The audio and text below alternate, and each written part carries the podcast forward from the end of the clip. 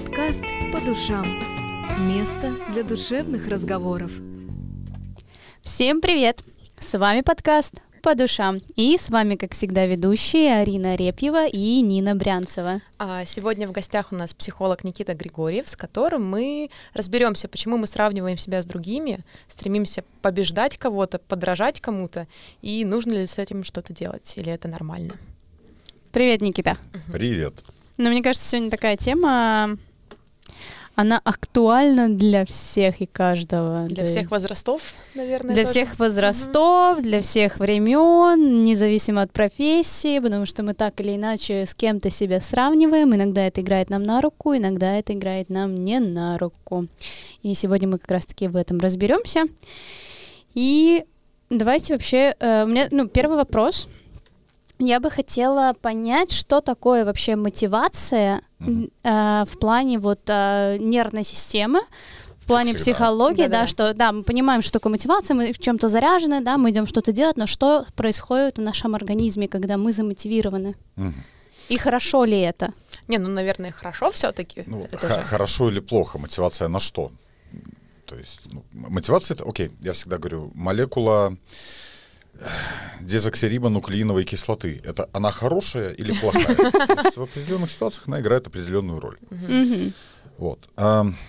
Окей моя любимая фраза про мотивацию. Мотивации нужно учиться у человека, который в переполненном торговом центре бежит в туалет. Ему очень надо. Да. Вот. И на самом деле, что у такого человека происходит под капотом, никто не отменял. Метод кнута и пряника. То есть мозг уже продумывает, что будет, если я это не получу, и что будет, если я это получу. Так. Вот, причем там ничего еще не случилось, а там уже картины мозг рисует, как все будет плохо. Либо как все будет хорошо. Либо как все будет хорошо, да, угу. совершенно верно. То есть то, то, что называют методом кнута и пряника, под капотом у нас это тот самый адреналин и дофамин, про который я постоянно говорю. Угу. Наш мозг ассоциирует адреналин с ощущением смерти, ну, не знаю, если у кого-то были там панические атаки, то люди прям сразу скоро ощущение, по ощущениям там умирают. Uh-huh. Или собака бежит, она еще не добежала, я уже чувствую, что я умираю, хотя она еще там uh-huh. в 20 метрах. Это адреналин, и он должен ощущаться как смерть, эволюционный сигнал, что я сейчас умру. Точно так же дофамин, он не просто насчет счастья или удовольствия, это химический сигнал для нашего мозга, что я все сделал правильно и нашел способ выжить. Uh-huh. Единственная биологическая задача нашего органа, как, нашего мозга как органа, это Выживание. Выживание, совершенно логично, верно. Логично. Те, у кого были другие задачи, до свидания из эволюции. Просто не дожили. Ну, не потому, что это хорошо или плохо, потому что просто вот эволюция, те, кто не выжили, все. Те, у кого была задача выживать, выжили. И мозг понимает, что он приближается к выживанию не по каким-то объективным факторам. У всех замок на двери, еда в холодильнике, 21 век, что умереть надо постараться. Да. Если на улицу выйду, он лягу, у меня специальная машина приедет с мигалками, отвезет в специальное учреждение, и через трубочку меня там кормить будут, лишь бы только я не помер. Это, это что такое? Выживание. Природа к этому не готовила явно. Всегда говорю, да, мы эволюционный джек, джекпот выиграли. Мы обманули природу. По сути, да. Откуда у психологов работа? Если все вот так вот круто. Ну, по крайней мере, в Европе. Эм, ну, оговариваюсь всегда, потому что некоторые сразу начинают, а вот там вот, ну, действительно, в Европе вот повезло. Э, мозг чувствует себя хорошо или плохо не, не опираясь на объективные факторы, а опираясь на химические сигналы угу. выделяется адреналин, все плохо, даже если это реальность не объективная, угу. а какая-то абстрактная в будущем. Точно так же дофамин — это сигнал для мозга, что вот сейчас я это получу, это ассоциируется с выживанием, мозг гоняется за выживанием, за дофамином. Угу. И вот все остальное, все наши, вся наша жизнь — это просто обертка для вот этой вот системы. И 24 часа в сутки наш мозг ищет под капотом источники дофамина. И даже, ну, вот был такой эксперимент э, над обезьянками. Обезьянки дали поиграть в такую компьютерную игру примитивную, нужно соединить две фигурки с помощью джойстика. Каждый раз, когда она выполняет задачу правильно, ей через трубочку дают э, апельсиновый сок. Uh-huh. И в мозг опустили щуп, сенсор, uh-huh. Uh-huh. который в реальном времени показывает, как выделяется дофамин. Если поначалу обезьяна выполняет задачу, а потом мозг такой, ага, апельсиновый сок, дофамин, потому что калория, uh-huh. глюкоза и так далее то через какое-то время, довольно быстро, как только на экране появляются фигурки, мозг говорит, о, вот сейчас я знаю, что делать, вот сейчас я получу сок, и заранее награждает обезьянку дофамином, mm-hmm. и обезьянка мотивированно пытается это сделать. Это и есть механизм мотивации. Mm-hmm. Это назвали ага-эффект, когда мы увидели, а, вот как я это получу, вот ага. чувство инсайта, вот оно mm-hmm. что, Михалыч. И вот тут у нас включается, мы готовы сделать все, чтобы это получить, потому что мозг увидел вот эту прямую дорогу к какой-то награде, к какому-то результату. Слушай, интересно. Ну тогда давай мы такой мостик немножко перекинем к нашей заявленной теме о том, почему мы стремимся сравнивать себя с другими. То есть я так понимаю, что таким образом мы этот мостик как раз-таки строим. Мы смотрим, что другие вот получают что-то хорошее таким образом, и поэтому мы думаем, ага, вот так вот. Я ну, могу... это, это Или... часть уравнения, угу, я бы сказал. Угу. Не, не только от этого все зависит. Угу, угу. Но опять же, я обожаю эволюцию, потому что там ну, все ответы. Угу. А, окей. Um... Ну, что такое эволюция? Мы должны передать свои гены дальше. Те, кто свои гены дальше не передавали, их гены просто не дожили до 21 века. Так. Теперь мы представим, что среди вот этих всех триллионов и триллионов особей до нас, там эти приматы, млекопитающие и так далее, были какие-то особи, которые генети- родились таки, с такой генетической предрасположенностью, что у них э, не включается вот этот механизм соревнований. Для того, mm-hmm. чтобы получить дофамин, не нужно кого-то побеждать, быть лучше mm-hmm. там, или что-то еще, им нужно просто, не знаю, сидеть, смотреть на небо. Mm-hmm а все вокруг что-то суетятся, ну, да. пытаются завоевать этих самок, самки пытаются выбрать лучшего там, и все вот, ну, обычная mm-hmm. эволюционная тема. Вот гены этих спокойных ребят, которым не нужно соревнование, с ними что случится? Они точно так же не будут распространяться, mm-hmm. потому что ну, у млекопитающих, не только у людей, а у самцов биологическая задача распространить свои гены как можно эффективнее, mm-hmm. потому что те, у кого не было таких задач, их гены не очень распространялись. Ну да. Они как бы тоже не выжили, а, грубо говоря. Выживали, но не так эффективно, и да умножить это на 250 миллионов лет эволюции, лучше выживали те, кто активнее пытались распространить свои гены. А ну, для женщин или там, для если мы говорим про млекопитающих, для особей женского пола. okay. Ну, для женщин, то есть все на своем уровне могут понять. То есть для мужчины он сделал дело и пошел. Он завтра, он может каждый день по сотню детей делать. Ну, механически, если так посмотреть. Биологически. Биологически, да.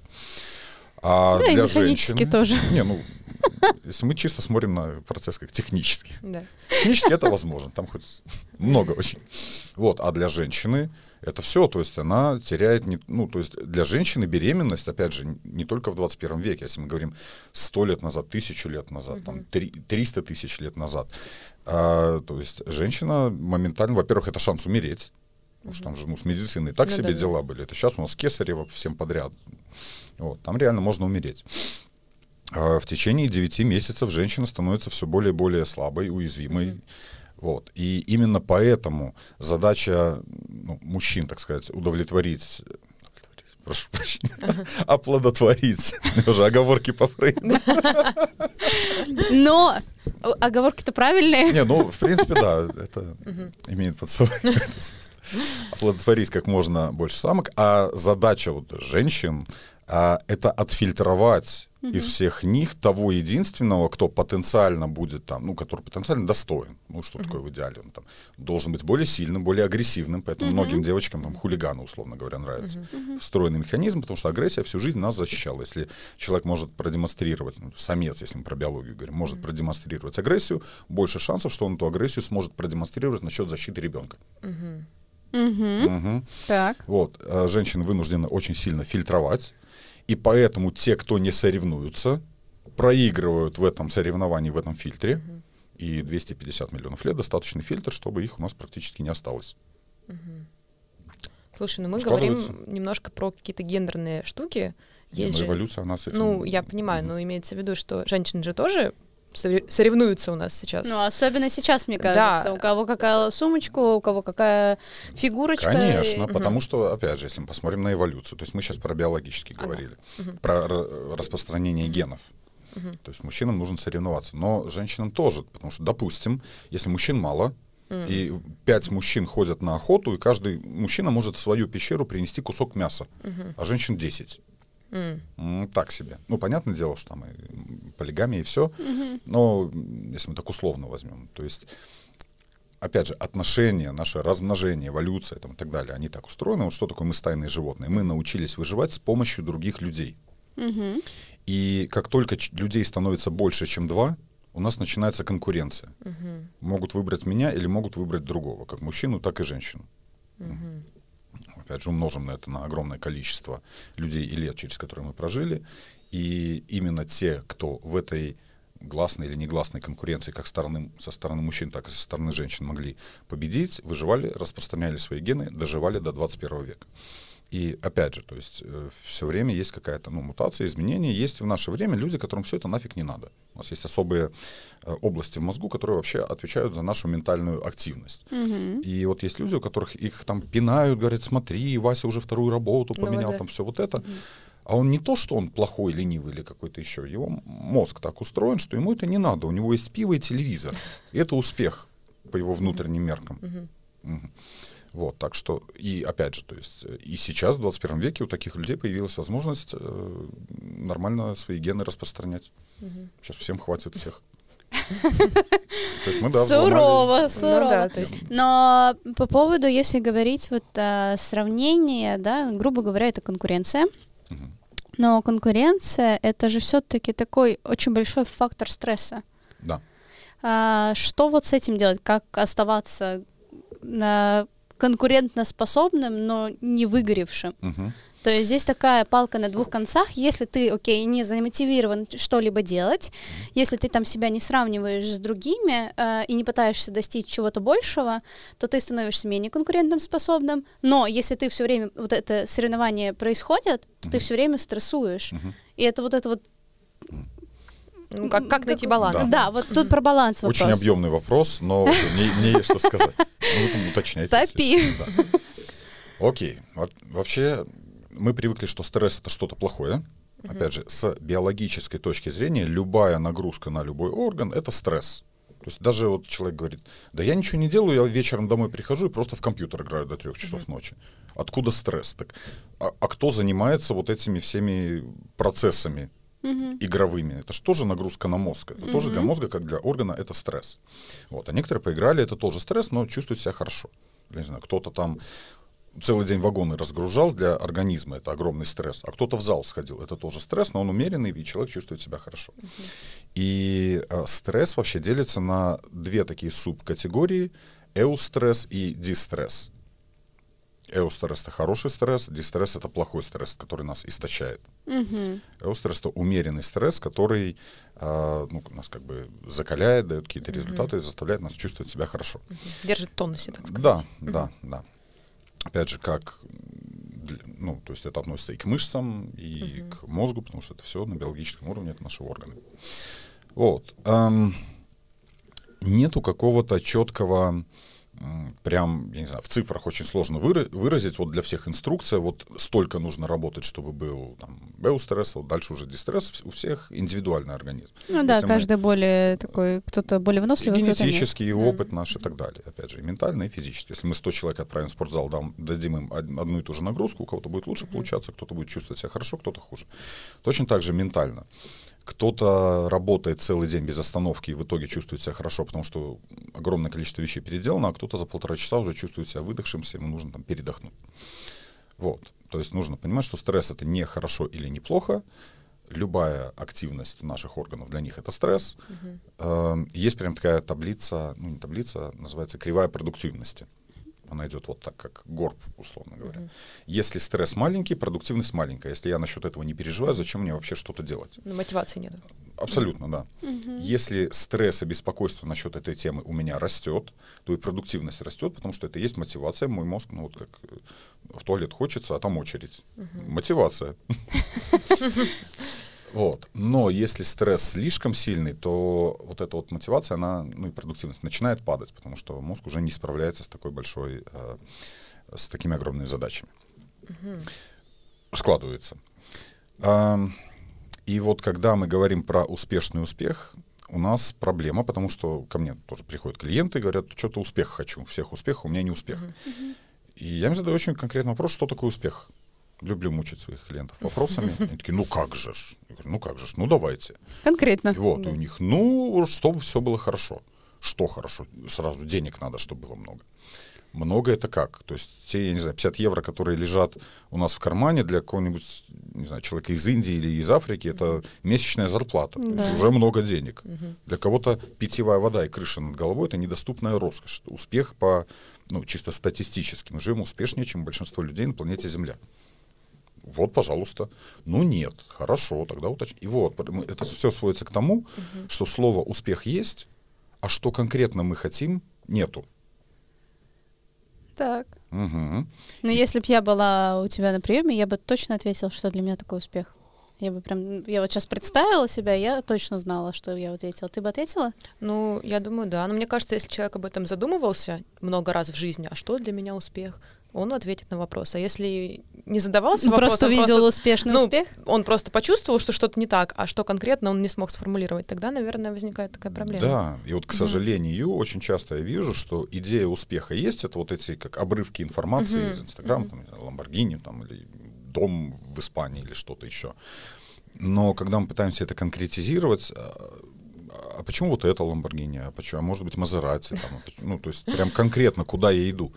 Потому что если нет вот этой конкретики и для себя ответов, а почему именно вот это, для мозга это что-то абстрактное. Это как тоже есть такая метафора.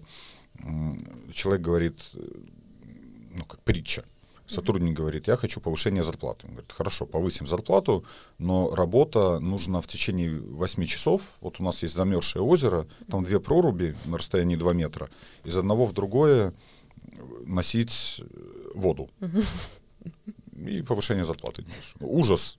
Ну да. Для мужика зачем? То есть, Зачем, да, под этим должно что-то стоять. И вот для многих людей вот это вот слово успех, оно именно, оно не имеет веса под собой. Оно абстрактное. Вот просто почему-то откуда-то хочу, потому что у всех есть. Хотя, опять же, если мы сравним себя с людьми из каких-то менее развитых стран, мы увидим, что мы мега успешные. По сравнению с всей нашей эволюцией мы мега успешные. Да, Там, да, согласна. у вас уже успех. Но если, допустим, сравнить со Швейцарией или даже Швецией, Мгм. то мы уже немного на другом уровне будем находиться. По То есть- зарплатам, например. зарплатам, да. Окей, то есть есть финансовая сторона, есть отношения. В отношениях может быть успех, неуспех. Воспитание ребенка, опять же, какие там параметры и так далее. Вот, то есть э, проблема в том, что очень часто вот это вот соревнование, оно идет э, к какому-то абстрактному призу. И если мне сказали, что мне нужно достичь, достичь цели, а цель не сказали, то я не буду вообще понимать, я достаточно активно стараюсь, недостаточно, я в ту сторону двигаюсь, не в ту. Вот как есть этот, да. Что вообще делать? 100-метровка или марафон. Мне как свои силы расходовать? Где, фи- где этот финиш? А мне просто сказали, вот беги. Куда, в какую сторону? Ну вот успех. Сколько? Когда-нибудь прибежишь. Да, надо просто верить в себя. И я побежал. Мгм. Ну так себе идея. Ну да, Вот. я бы не согласилась. И Правильно. когда мы рассматриваем это вот в таких примитивных как бы метафорах, метафорах, оно становится понятно. Но часто люди сами не понимают, что они что их вот эта цель, она абстрактная. Ну, так же, как любовь, отношения. Вот многие тоже приходят. Хочу жену. Ну, у меня есть, не знаю, знакомая девушка из Болгарии, ей 65 лет, она весит 120 килограмм, ищет тут легализироваться. Вот, жена будет завтра. Выясняется, нет. Не просто жена мне нужна. А оказывается, там есть какие-то параметры. Вот, тогда нам уже есть о чем говорить, что а какие параметры вы можете предложить. То есть мы превращается в какой-то более рациональный диалог. Также с успехом. Как только там появляются какие-то а, более-менее конкретные вещи, что не просто там Ламборгини, там что-то еще, а, это как-то основано на моей жизни. То есть я вот тоже, в, мо- в моем случае, я работал знаю, в Ирландии, там, на стройке, охранником в ночном клубе, в IT я работал там и так далее. И везде мне казалось, что, опять же, вот куда-то я иду, непонятно куда иду. Мне нужно было дожить там, ну, не знаю, там, 30 там, с чем-то лет, мне уже там за 40, чтобы понять, что я могу вот так вот прыгать по этим целям с одной на другую, успешно просрать, прошу прощения, жизнь. Но главное успешно. Мгм. Кто-то выключил свет, и мы понимаем, что все, мы гонялись за каким-то успехом. И когда я понимаю, что вот у меня есть психология, у меня там что-то получается, клиенты и так далее, я понимаю, что мой, я выбираю гнаться за успехом в этой области. Потому что если я позволю себе прыгать с одной а, как бы, Ветки на другую. ветки на другую, потому что в 21 веке, вот проблема 21 века, что возможностей менять род деятельности слишком много. Мгм. В итоге тут у нас не получается, успеха не будет. Прыгаем на что-то еще. Там мы пять лет потратили, там пять лет потратили. В итоге у нас уже сил ни, ни на что нету, выгорания там и так далее. Вот, то есть, и тогда оно немножко начинает складываться. То есть, что это? Мне там книжку какую-то надо писать, какой-то семинар сделать, что-то еще. Это превращается в конкретные цели. Вот. И тогда вот эта картинка, э, картинка будущего, картинка успеха, который для меня приемлем, или есть такой термин «востребованное будущее», она становится более конкретной, и тогда становится понятно, что делать и в каком темпе. Вот. Ам, И да, если я понимаю, что я иду к этой цели и начинаю выгорать, значит, я эту цель поставил слишком себе близко, значит, слишком маленький дедлайн. Возможно, мне нужно это растянуть на несколько лет подольше, чтобы я мог, как бы, ну, ну, как марафон или 100-метровка, чтобы мои силы тратились поменьше, больше отдыхать, но зато я, наконец-то, получу этот результат, а не рецепт на антидепрессанты себе врачу. Ты даже ответил на мой один заготовленный вопрос. Э, Сразу я хотела спросить, что может ли человек быть э, замотивирован в долгую перспективу, как Мгм. вот про марафон, либо же все-таки мотивация это вот про Короткие короткую, ди- цели какие-то, да, да. про короткую дистанцию. Вот сейчас это длительность э, attention span, длительность э, Внимание. внимания, да, длительность мотивации постоянно сокращается. Потому что, опять же, если м, окей, 21 век, мир однокнопочных стратегий. Мы говорили, что мозг гоняется за дофамином.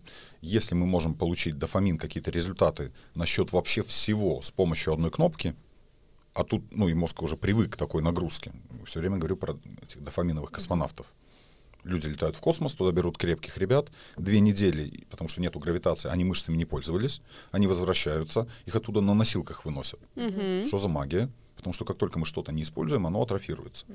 Способность решать долгосрочные задачи, планировать на год вперед, на несколько лет вперед, это способность мозга, реальные ну, нейронные сети, которые, если они не используются, они будут атрофироваться. В 21 веке мы оказались в мире, где я нажал на кнопку и решил все свои проблемы. Это раньше, если у меня еда закончилась, я не курьера вызываю. Мне в лес надо идти, там волки, и не факт, что я вернусь, что Да. у меня будет обед, может, у волков. Молоко закончилось, у меня нету, у меня в призму или в максимум, поеду, там, какой у меня там дата. Я на мороз иду корову доить. То, что я хочу, не хочу, не волнует. Поэтому мне нужно запланировать, чтобы мы там еда была, чтобы мы не померли Ага. и так далее. Чтобы выживать, нужно было постоянно планировать на, ну, как минимум на год вперед, потому что сезоны и так далее. Сейчас у нас этой ежедневной необходимости нету. Есть огромное количество исследований, тестов, что мозг современного человека проигрывает тем же самым людям, которые живут там ну, в более дикой природе, в джунглях Амазонки. Потому что они постоянно держат свой мозг в тонусе, им постоянно приходится решать задачи. Вот. И э, те вещи, которые еще ну, 20-30 лет наз- назад для нас были нормальные и приемлемые, что-то запланировать, как-то там распланировать свою жизнь, там, пое- не знаю, даже поездку там или что-то еще. Ам, банально встретиться вот, без, без мобильных телефонов, без навигаторов как? Нужно было сказать, так, знаешь, заправка там направо километр, там вот это, в три часа ровно встречаемся. И все, и у нас пропала связь, потому что мы трубку положили. И мозгу нужно держать, говорят, что там за заправка, куда мне там идти. Во сколько? Вот. А сейчас мы даже на таком банальном уровне не решаем задачи, все функции Ну да, у нас вот одна вот эта одна черная коробочка, которая за нас все решает в целом. Совершенно И верно. э, Это по поводу проблема. вот этого, я, кстати, даже за собой заметила, что, допустим, сколько, пять лет назад, я, получается, даже шесть лет назад, я закончила школу, и во время школы у меня прям были планы постоянные. Я знала, чем я буду заниматься на следующей неделе, через две недели, и чем я сегодня занимаюсь, и что зачем идет.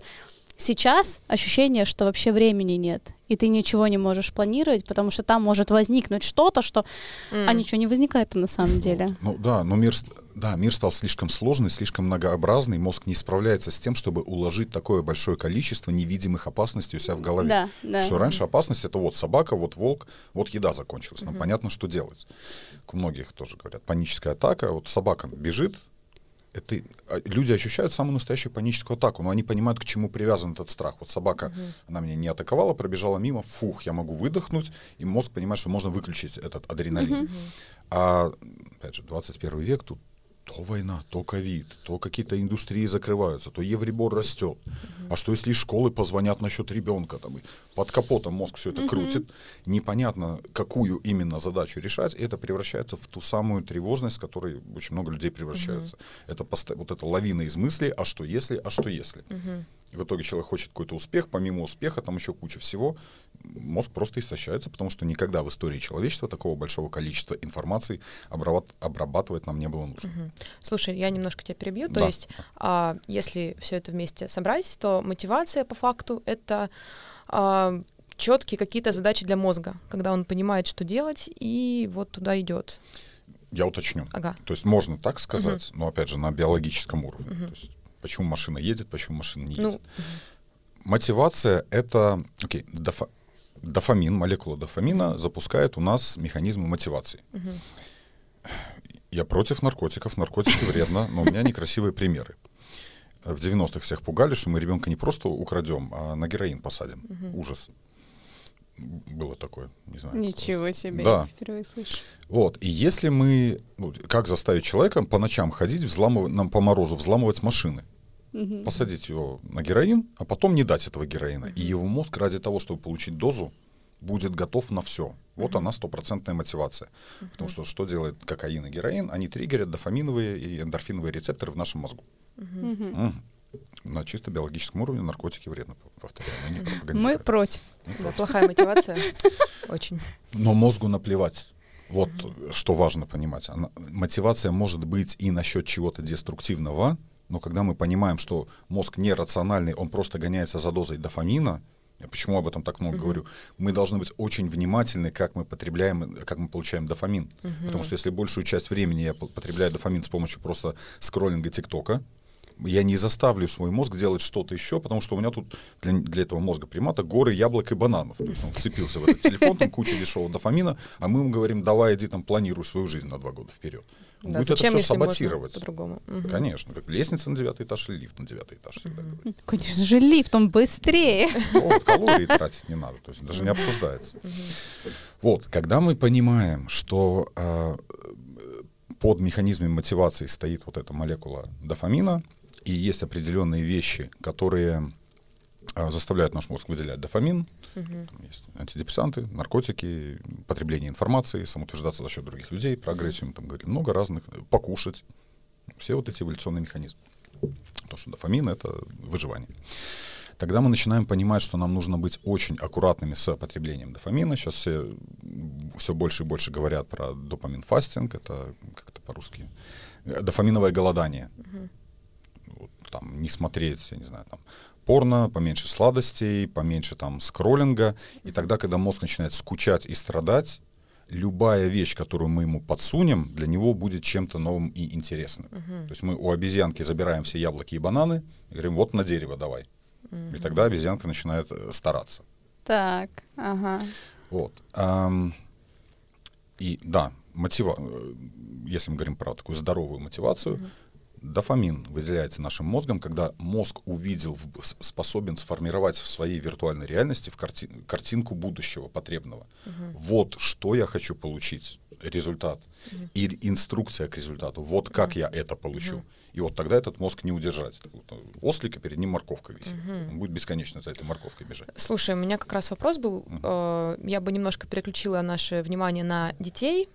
А Как мотивировать э, маленьких детей либо подростков на какие-то вот, может быть, там хорошие цели, которые, может быть, не кажутся ребенку такими интересными, там учеба и так далее. Мгм. Ведь э, действительно, если у него есть там источник дофамина в виде там какого-нибудь э, Телефона. компьютера, да, а, то в целом ты как не говори ему, как прекрасно быть умным, ну дофамин не появится. Не появится. Да, что делать? Хороший Выключать. Wi-Fi. А, то Очень есть просто. настолько. Мгм, Выключать Wi-Fi. мгм. А, у меня цифровая зависимость. Если мне дать телефон с ТикТоком и с компьютерными играми, и мне ничего не надо будет делать, я буду там сидеть сутками. Мой мозг очень любит дофамин. У моего ребенка то же самое, он очень любит играть в компьютерные игры. Это нормально, ну как, компьютерные игры специально делают так, чтобы они выделяли дофамин, иначе они деньги зарабатывать не будут. Так. Мгм. И да- даже есть прям, часто припоминаю, есть прям такой инцидент, где группа родителей в Испании, когда они там, вышло какое-то интервью одного из разработчиков игры Fortnite, который говорит, что мы используем специально знания о нейробиологии, чтобы делать интерфейс игру таким образом, чтобы от нее невозможно было оторваться. Мгм. Они подали групповой иск, ну, то, что у детей там, я не знаю, там и учеба там портится и так далее. Я уж не помню, они выиграли или нет, но вот есть такие прецеденты. Эм, ну, это насчет компьютерных игр. Эм, 20 лет нам понадобилось, чтобы понять, что кокаин опасен. Все в, в микстуры всякие, в лекарства добавляли. Ему на замену пришел героин как более безопасный. А. Мгм. Ну, там анестезия, все вот это. Все, все- слышали все истории, там в сироп от кашля добавляли. Да-да-да. А, верните кокаин в Кока-Колу. Так себе предложение, если честно. Да, наркотики вредны, это все шутки. Вот, но понадобилось, понадобились десятилетия медицинскому сообществу, чтобы понять э, опасность вот этих вот вещей. Часто рассказываю про такого дядечку Земельвайса. Он предположил, что, наверное, докторам после того, как они э, провели время в анатомическом театре, а потом как покушали, а потом идут роды принимать, нужно не просто об рубашечку руки вытирать, а их продезинфицировать. Его подняли на смех, он закончил жизнь в психиатрической лечебнице, пока потом они не поняли, что, насколько он был прав, что есть, оказывается, микробы, что нужно дезинфицировать, и роженицы перестанут умирать. Мгм.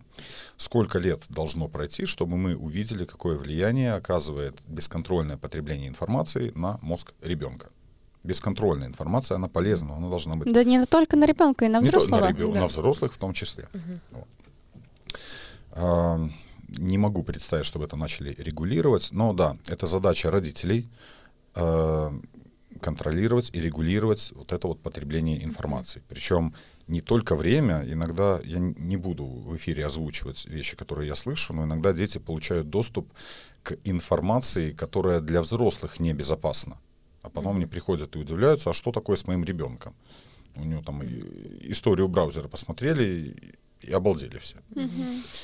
Ам, вот, и тут уже, да, встает именно вопрос не только регулирования времени, но и регулирования контента. Слава богу, есть огромное количество приложений, сервисов, которые позволяют это делать, фильтруют сайты там и так далее. Вот, и если вот брать пример, вот мотивация детей, у моего ребенка на компьютере стоят телефон, компьютер, планшет, там игры, которые он любит, все вот это вот. Но э, стоит программа, которая позволяет в это все играть в течение одного часа. Него, Там час, там час, там час и там час. э, ну, мы там как-то это постоянно меняем, но да, вот, например, вот он любит планшет, даже если у него есть на компьютере, он хочет именно в планшет поиграть, потому что у него уже там персонажи, все вот это вот. В день у него час. Но если он хочет еще час, он должен сделать тренировку, почистить лоток для котов, сделать все уроки. И вот тогда, когда я понимаю, вот мы говорили, результат и инструкция к этому результату. Результат я получу тот самый дофамин, те самые компьютерные игры, а инструкция к этому результату мне нужно сделать определенное количество вещей, которые от меня требуют. Так. И вдруг внезапно мотивация появляется. Мне напоминать не надо. Он мне сам звонит, перечисляет все, что он сделал. Я возьму это на заметку. Вот, то есть, в двух словах. Дети не хорошие, не плохие. Мозг не хороший, не плохой. Всегда говорю, нам нужно дели- разделять понятия. Есть мой любимый ребенок, есть автоматический мозг, который управляет поведением вашего ребенка. Это мозг эгоистичного наркомана, который гоняется за дофамином. Если вы дадите ему бесконтрольный доступ к дофамину, он ничего не будет делать, и волшебное слово «мама» и другие же ребята там, это не будет работать, это будет только отдалять, потому что это постоянные ссоры. Когда мы понимаем, что объяснения не работают, мозг это автоматическая машинка, мы его должны поставить в определенные условия, чтобы он дал нам нужный результат. Бензин у машины закончился, может нам уговорить ее, чтобы она поехала. Не поедет, я пробовал. Не, ну если только толкать ее, поедешь же. Ну Э, вот с, некоторые э, родители так С механической коробкой. Механически. Вот они сидят сутками вместе с детьми, делают эти уроки, все уже там глаза закатывают, ненавидят. И, ну, Слушай, Дело в том, что просто очень это ра- рас- Ага. распределить, что будет зачем.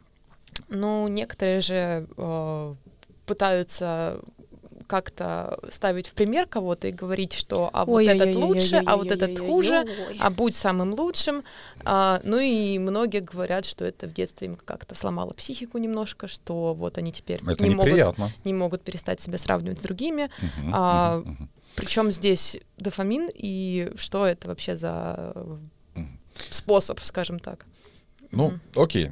А, ну, это тоже влияет. То есть uh-huh. на нас всегда говорю, некоторые говорят, так это биология или воспитание или что. Uh-huh. Мы рождаемся с какой-то биологической заготовкой. Uh-huh. У нас какие-то уже биологические предрасположенности. Ну, то есть какие-то настройки уже, которые да, в, да. в нас вложили. Uh-huh. Но они в течение жизни могут меняться, потому что на этот фундамент наслаивается воспитание. Uh-huh. Всегда привожу пример, каким бы добрым социальным человеком генетически не родился, если он родится в Афганистане, там, где нужно выращивать мак для героина и убивать неверных из калаша, и за это его будут хвалить, его мозг начнет адаптироваться и генерировать mm-hmm. вот такое поведение. Mm-hmm. Извините за некрасивый пример. Но зато понятный. Ну да, я за то, чтобы было четко и понятно. Вот. И совершенно верно. То есть мы говорили, что есть генетическая предрасположенность, mm-hmm. вот это вот прям встроенная в нас соревновательность, так mm-hmm. сказать. За это действительно отвечают определенные нейросети, которые могут быть э, развиты активно или не так активно. Mm-hmm. Но если мы такого, такого человека поставим в соревновательную среду и будем постоянно напоминать, вот смотри на других ребят, а что люди скажут. Mm-hmm. Ну, это моя история, я все детство слышал, что люди скажут. Mm-hmm. Угу. у меня до сих пор это в голове живет. К психологу ходить приходится. Вот. То да, если мы ходим в спортзал, у нас вырастают мышцы, если мы ходим в автошколу, у нас насчет умения вождения машины вырастают нейронные связи в голове. Если мы ребенку постоянно говорим, давай мы тебя будем сравнивать, даже не обязательно просто сравнивать, а каждое твое действие осуждать, а почему ты так сделал и так далее, то это превратится уже в нейронные связи в голове человека, это превратится во внутренний голос, который его уже самого осуждает голосом мамы, голосом папы или каким-то своим уже абстрактным голосом. Но это сама идея, она не из космоса идет, это конкретные нейронные связи, которые выросли почему-то.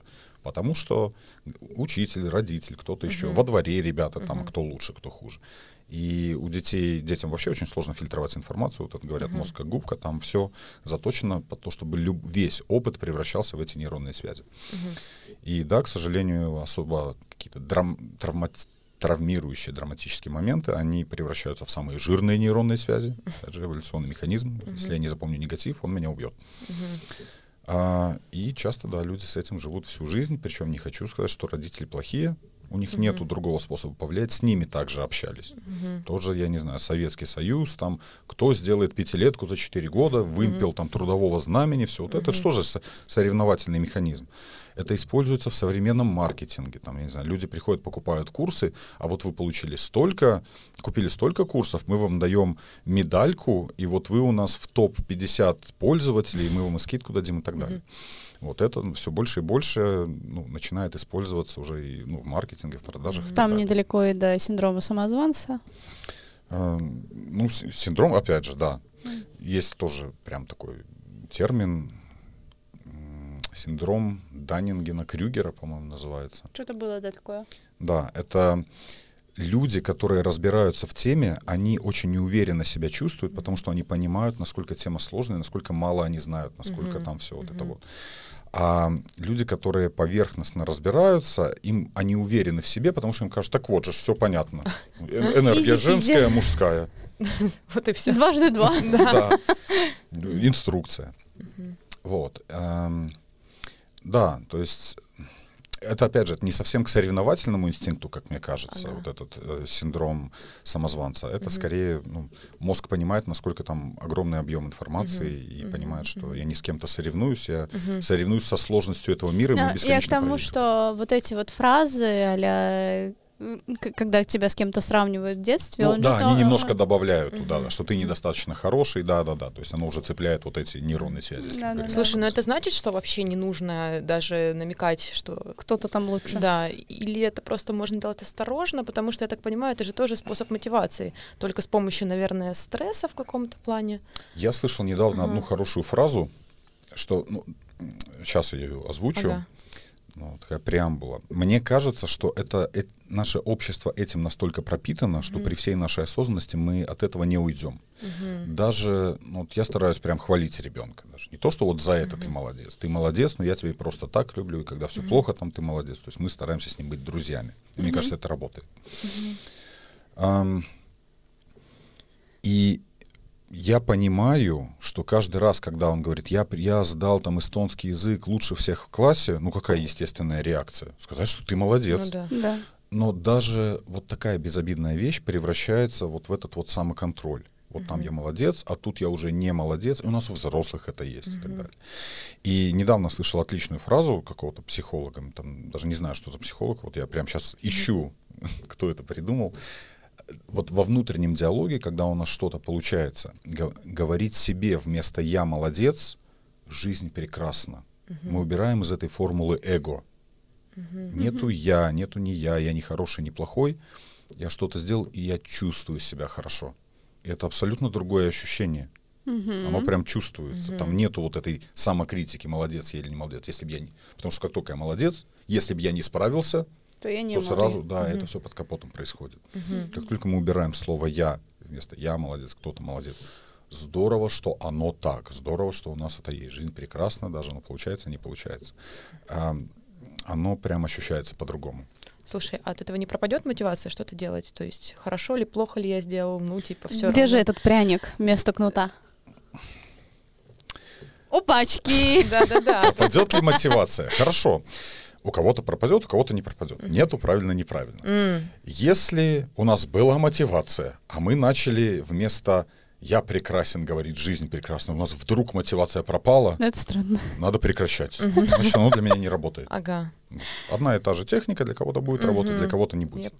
Yep. Вот. Мы, мы говорим про скорее, когда нам мешает вот это вот Ага. сравнение с другими. Эм, как, и вот мы говорили про эустресс и дистресс, нету четкой границы, вот для всех нужен вот такой стресс, а такой уже сильный, у всех разный. Точно так же на всех по-разному будет работать мотивация. Кто-то действительно, даже не кто-то, если почитать любую биографию любого успешного человека на планете Земля внимательно, то можно увидеть, это не было так, что у него там мотивация, единороги, радуги, и он проснулся с утра, и вот это вот. Там огромное количество демонов, неуверенности и так далее. Это человек, который борется с собой всю жизнь, а как побочный продукт у него там что-то получается. Мгм. Вот, чаще всего ам, ну, в мире, где у нас все есть, мотивация — это негатив, к сожалению. Да, да. Было бы здорово, если бы... Но тут еще важно, э, что я хотела дополнить, наверное, важно э, понимать, где ваша мотивация, именно реально ваша мотивация и ваши цели, а где э, навязанные Да-да-да. кем-то, Совершенно потому что верно. если вот эта мотивация будет э, связана с тем, что вам кто-то навязал вот эти цели, И вы даже добьетесь и не получите кайфа. да, Да-да-да. и вы будете на этом Какой-то пути страдать да. очень сильно. То есть я Мгм. на себе это конкретно ощутила, я пыталась, пыталась, пыталась, пыталась, потом сказала, да ну его нафиг. И как только я отказалась от всего, что вот меня, я была на, на том пути, я такая, вау, а может быть так по кайфу все делать, да? Типа, когда ты, когда ты не гонишься, а когда ты делаешь то, что тебе действительно нравится, а когда ты делаешь то, что нравится другим, и это как бы цели другого человека, другой компании, ты как бы не понимаешь, зачем идешь. То есть здесь тоже важно понимать, чтобы человек прочувствовал, это ваша цель или это цель, которую вам навязали. Мгм. Да, ну, да, то есть да. тебе в детстве, может, говорили, тебе нужно учить биологию, будешь врачом, и все. А ты не хочешь этого делать, ты даже, может, выучился, но как бы... И да, учил, ребенку учил. очень сложно Мгм. противостоять родителям, потому что любая мама может так вздохнуть, что любой ребенок поймет, что ужас-ужас. Мгм. И, ну, совершенно верно. Вот в самом начале мы говорили, Мгм. что нам сложно видеть картинку будущего. Я Мгм. прямо скажу, есть упражнение, которое я говорю клиентам, я думаю, слушателям будет очень интересно. А, наши нейроны насчет будущего можно вырастить так же, как мышцы в спортзале. Для этого есть Мгм. определенные упражнения. Нам нужно напрягать определенные группы мышц. Магия происходит не в гантелях, а в мышцах. С помощью гантелей мы их просто на- напрягаем. Точно так же очень простой, банальный, доступный инструмент ручка и бумага и время. Потому что мышцы растут не просто потому, что я гантелю поднял, потому что я поднимал какое-то время.